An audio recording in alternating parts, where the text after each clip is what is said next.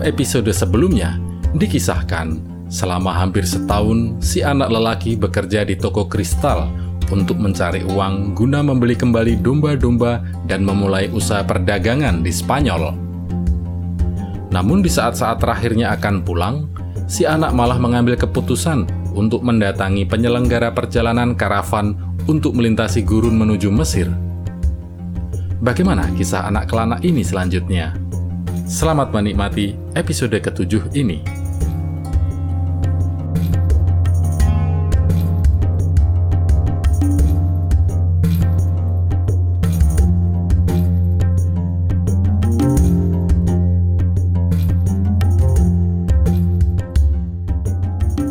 Orang Inggris itu sedang duduk di bangku di dalam bangunan yang mengeluarkan bau binatang, keringat, dan debu.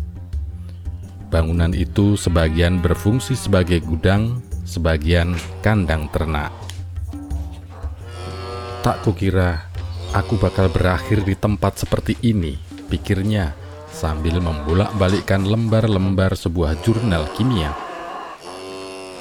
Sepuluh tahun belajar di universitas, akhirnya aku terdampar di kandang ternak. Tapi dia mesti jalan terus. Dia percaya pada pertanda-pertanda. Seluruh hidupnya, seluruh ilmunya ditujukan untuk menemukan satu bahasa sejati jagat raya. Pertama-tama, dia mempelajari bahasa Esperanto lalu agama-agama di dunia, dan sekarang alkimia. Dia sudah bisa berbahasa Esperanto. Dia memahami semua agama besar di dunia dengan baik, tapi dia belum berhasil menjadi alkimis.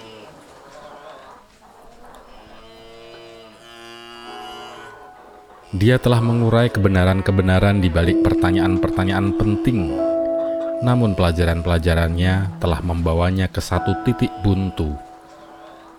Dia telah mencoba menjalin hubungan dengan seorang alkimis. Tapi para alkimis ini orang-orang aneh yang hanya memikirkan diri sendiri dan mereka hampir selalu menolak membantunya. Siapa tahu barangkali mereka gagal menemukan rahasia karya agung batu filosof itu. Dan karena alasan inilah mereka merahasiakan pengetahuan mereka. Sebagian besar harta warisan ayahnya sudah dihabiskan dengan sia-sia untuk mencari batu filsuf itu. Dia telah menghabiskan waktu tak terhingga di perpustakaan-perpustakaan besar dunia. Dia juga membeli berjilid-jilid buku paling langka dan paling penting mengenai alkimia. Dalam salah satu buku itu, dia membaca bahwa bertahun-tahun silam seorang alkemis Arab terkenal pernah berkunjung ke Eropa. Konon usianya lebih dari 200 tahun dan orang ini menemukan batu filsuf serta ramuan kehidupan. Orang Inggris itu sangat terkesan dengan cerita ini. Semula dia menganggap ini sekadar mitos, tapi kemudian seorang temannya yang baru kembali dari ekspedisi arkeologi di padang pasir menceritakan tentang seorang Arab yang memiliki kekuatan-kekuatan luar biasa. Dia tinggal di oasis Al-Fayum, kata temannya itu. Kata orang-orang, umurnya 200 tahun, dan dia bisa mengubah logam apa pun menjadi emas. Si orang Inggris sangat bersuka cita mendengarnya. Dia membatalkan semua rencananya dan mengumpulkan buku-bukunya yang paling penting. Sekarang di sinilah dia duduk di gudang bau dan berdebu. Di luar sana, sebuah karavan besar yang sedang disiapkan untuk melintasi gurun Sahara dan rute perjalanannya melewati Al-Fayum. Akan kutemukan alkemis sialan itu, pikir si orang Inggris. Setelah itu, dia jadi lebih bisa menahan bau binatang-binatang di kandang ini.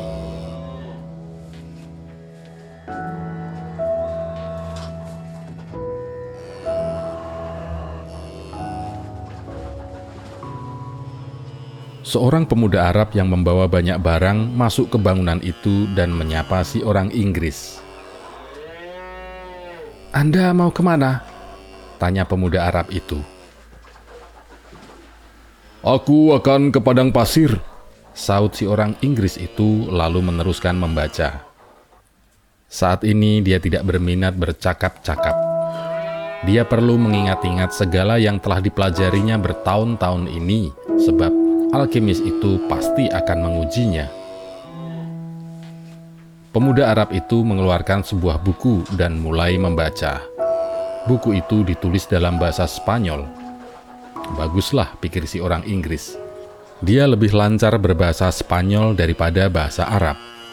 Dan kalau pemuda ini juga pergi ke Al-Fayum, berarti dia akan punya teman ngobrol kalau sedang tidak ada keperluan lain yang lebih penting. Hmm, aneh sekali, kata si anak sambil mencoba lagi membaca adegan penguburan pada awal buku yang dibacanya. Sudah dua tahun aku membaca buku ini, dan tidak pernah bisa melewati lembar-lembar pertamanya. Saat ini tidak ada raja tua yang mengajaknya mengobrol, tapi dia tetap saja sulit berkonsentrasi. Dia masih agak meragukan keputusannya yang telah diambilnya. Tapi satu hal dia paham, mengambil keputusan barulah permulaannya. Saat orang mengambil keputusan, berarti dia telah menceburkan diri dalam arus deras yang akan membawanya ke tempat-tempat yang tak pernah dibayangkannya ketika dia pertama-tama mengambil keputusan tersebut. Ketika aku memutuskan mencari harta karunku, Tak pernah aku bayangkan aku bakal bekerja di toko kristal, pikirnya. Dan ikut dengan karavan ini memang keputusanku sendiri. Tapi ke mana karavan ini menuju masih menjadi misteri buatku. Orang Inggris di dekatnya ini sedang membaca. Kelihatannya dia tidak ramah dan sepertinya dia kesal ketika si anak laki-laki masuk ke situ. Mungkin sebenarnya mereka bisa menjadi teman, tapi orang Inggris itu tidak mau diajak bercakap-cakap. Si anak lelaki menutup bukunya. Dia tak ingin melakukan sesuatu yang membuatnya kelihatan seperti orang Inggris itu. Maka dikeluarkannya urim dan tumim dari sakunya dan dimain-mainkannya. Orang Inggris itu berseru, Ah, urim dan tumim. Secepat kilat, si anak lelaki memasukkan kembali kedua batu itu ke sakunya. Ah, maaf, batu ini tidak dijual, katanya. Ah, nilainya itu tidak seberapa, saut si orang Inggris. Batu itu cuma terbuat dari batu kristal karang, dan ada jutaan batu kristal karang di tanah. Tapi orang-orang yang mengerti hal demikian pasti tahu kedua batu itu Urim dan Tumim. Tak kukira mereka juga ada di belahan dunia ini. Batu-batu ini hadiah untukku dari seorang raja, kata si anak. Orang Inggris itu tidak menjawab. Dia merogoh sakunya dan mengeluarkan dua batu yang persis sama seperti batu si anak lelaki. Seorang raja, katamu? Tanyanya. Kurasa kau tidak percaya ada seorang raja yang bicara padaku. Kata si anak ingin mengakhiri percakapan. Bukan begitu. Para gembala lah yang mengakui raja yang mula-mula tidak diakui oleh seluruh dunia. Jadi tidak heran kalau ada seorang raja bicara pada anak gembala. Dia meneruskan berbicara, takut anak ini tidak memahami perkataannya. Itu yang dikisahkan dalam Alkitab. Dari Alkitab jugalah aku tahu tentang Urim dan Tumim. Batu-batu ini satu-satunya alat peramal yang diperbolehkan Tuhan. Para imam membawanya dalam penutup dada dari emas. Sekonyong-konyong si anak lelaki merasa senang berada di gudang ini. Mungkin ini satu pertanda kata si orang Inggris itu dengan suara agak keras. Siapa yang memberitahumu tentang pertanda? Si anak semakin tertarik. Segala sesuatu dalam hidup ini adalah pertanda, kata si orang Inggris. Ditutupnya jurnal yang tadi dibacanya. Ada bahasa universal yang dipahami semua orang, tapi sudah terlupakan. Aku sedang mencari bahasa universal itu, di samping hal-hal lainnya. Itu sebabnya aku berada di sini. Aku harus mencari orang yang memahami bahasa universal itu. Dia seorang alkemis. Percakapan mereka diinterupsi oleh pemilik gudang. Kalian berdua beruntung, kata orang Arab yang gemuk itu. Hari ini ada karavan yang menuju Al-Fayum. Tapi aku ndak ke Mesir, kata si anak. Al-Fayum juga ada di Mesir, saut orang Arab itu. Kau ini orang Arab mana sih?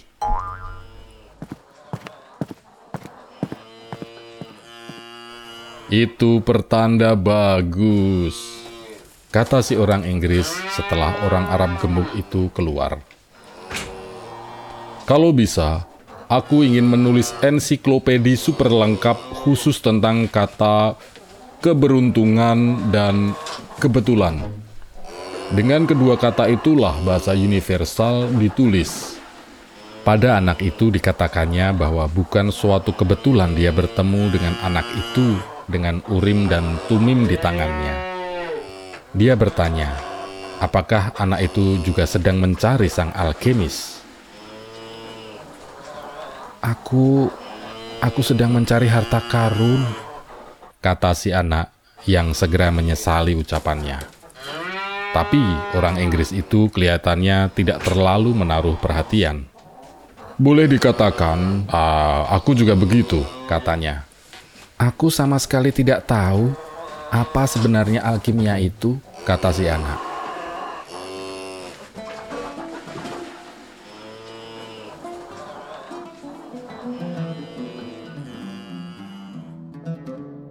Beberapa saat setelah itu, si pemilik gudang memanggil mereka supaya keluar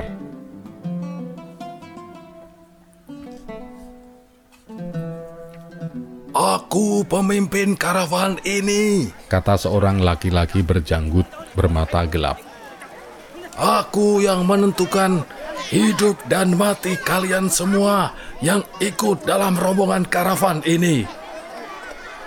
Padang pasir itu tidak bisa ditebak dan kadang-kadang bisa membuat orang menjadi gila. Hampir 200 orang berkumpul di sana.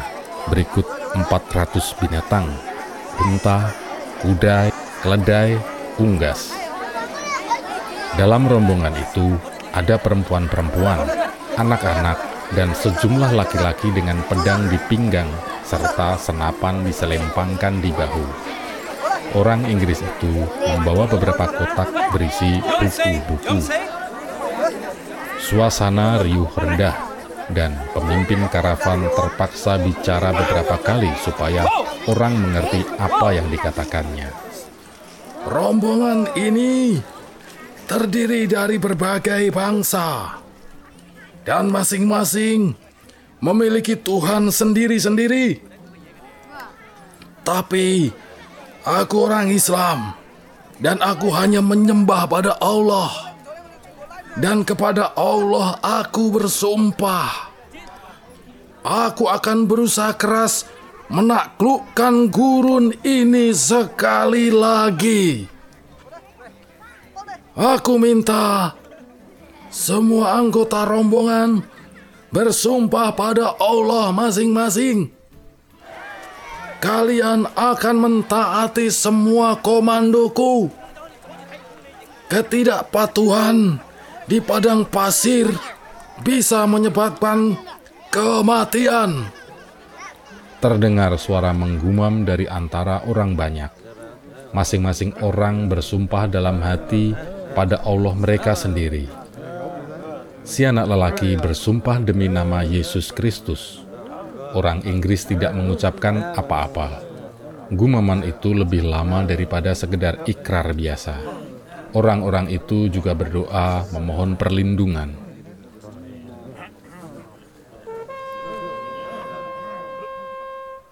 Trompet berbunyi dalam nada melengking panjang, dan semua orang naik ke tunggangan masing-masing.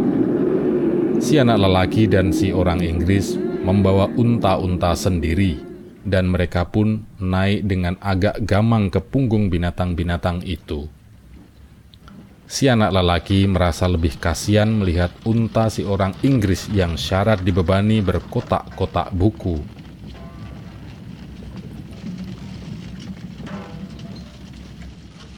Tidak ada yang namanya kebetulan. Kata orang Inggris itu melanjutkan percakapan mereka yang terputus di gudang tadi. Aku ada di sini karena seorang temanku mendengar ada orang Arab yang... Namun karavan itu mulai berjalan dan ucapan si orang Inggris tadi jadi sulit didengar. Tapi si anak lelaki sudah tahu apa yang akan dikatakan orang Inggris itu tentang mata rantai misterius yang mengaitkan satu hal dan hal lainnya. Mata rantai yang telah menyebabkan dia menjadi gembala, menyebabkan dia mengalami mimpi berulang, membawanya ke kota dekat Afrika, membuatnya menemukan seorang raja dan menjadi korban perampokan sehingga dia bertemu si pedagang kristal dan seterusnya.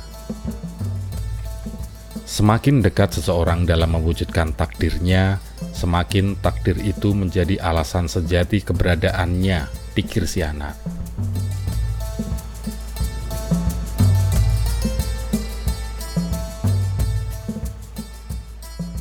Karavan itu bergerak ke arah timur. Mereka terus berjalan sepanjang pagi berhenti pada saat matahari bersinar sangat terik dan baru melanjutkan perjalanan menjelang sore. Si anak tidak banyak bicara dengan si orang Inggris yang menghabiskan sebagian besar waktunya dengan buku-bukunya. Dalam diam, anak itu mengamati kemajuan perjalanan rombongan binatang dan manusia ini melintasi padang pasir. Sekarang segalanya sangat berbeda daripada saat mereka memulai perjalanan. Waktu itu, suasananya kacau balau dan bising oleh tangisan anak-anak kecil serta erangan binatang-binatang. Belum lagi perintah-perintah bernada gugup yang dilontarkan para pemandu dan saudagar. Tapi di padang pasir yang terdengar hanya suara angin yang tak ada putusnya, serta detak langkah binatang-binatang. Bahkan para pemandu unta pun tidak banyak berbicara di antara mereka sendiri. Suatu malam, salah seorang pemandu unta berkata, Aku sudah berkali-kali melintasi pasir ini, tapi padang pasir ini luas sekali, dan cakrawalannya begitu jauh hingga orang merasa kecil dibuatnya dan seolah-olah dia harus berdiam diri saja. Secara intuitif, anak itu mengerti maksud perkataan orang tersebut, meski dia sendiri belum pernah menginjakkan kaki di padang pasir. Setiap kali melihat bentangan laut dan amukan api, dia selalu terdiam, terpesona oleh daya kekuatan mereka. Aku sudah belajar banyak hal dari domba-dombaku, juga dari kristal itu, pikirnya. Berarti aku juga bisa belajar sesuatu dari padang pasir ini. Padang ini kelihatannya tua dan bijak. Angin yang tak kunju berhenti bertiup, dan anak itu teringat hari ketika dia duduk di benteng di Tarifa menikmati embusan angin di wajahnya. Angin itu mengingatkan pada wol-wol yang dihasilkan domba-dombanya, domba-domba yang sekarang sedang mencari makanan dan air di padang-padang Andalusia seperti biasanya. Mereka bukan domba-dombaku lagi, katanya dalam hati tanpa rasa nostalgia mereka harus membiasakan diri dengan gembala mereka yang baru. Dan barangkali mereka sudah melupakan aku. Baguslah. Makhluk-makhluk yang suka berkelana seperti domba-domba itu sudah belajar melupakan dan jalan terus. Dia teringat putri pedagang itu dan yakin gadis itu mungkin sudah menikah. Barangkali suaminya tukang roti atau gembala lain yang bisa membaca dan menceritakan kisah-kisah menarik padanya. Bagaimanapun, mungkin dia bukan satu-satunya gembala yang bisa membaca tapi dia merasa senang dengan kemampuannya memahami secara intuitif ucapan si pemandu unta tadi. Barangkali dia juga mulai belajar bahasa universal tentang masa lalu dan masa kini semua orang, firasat, menurut istilah ibunya.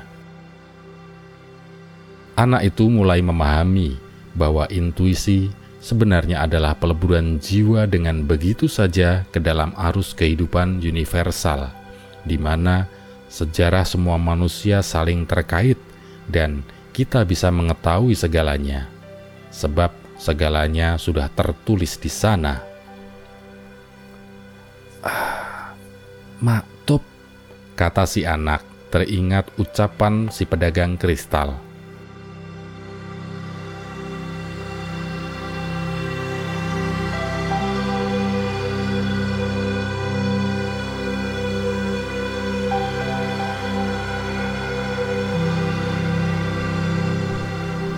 Demikianlah kisah si anak kelana dalam episode ketujuh pembacaan dramatik ini. Bagaimana perjalanan si anak lelaki kali ini? Pengalaman-pengalaman apa lagi yang akan dialami anak lelaki ini? Ikuti terus kisah ini dalam episode-episode selanjutnya. Sampai jumpa.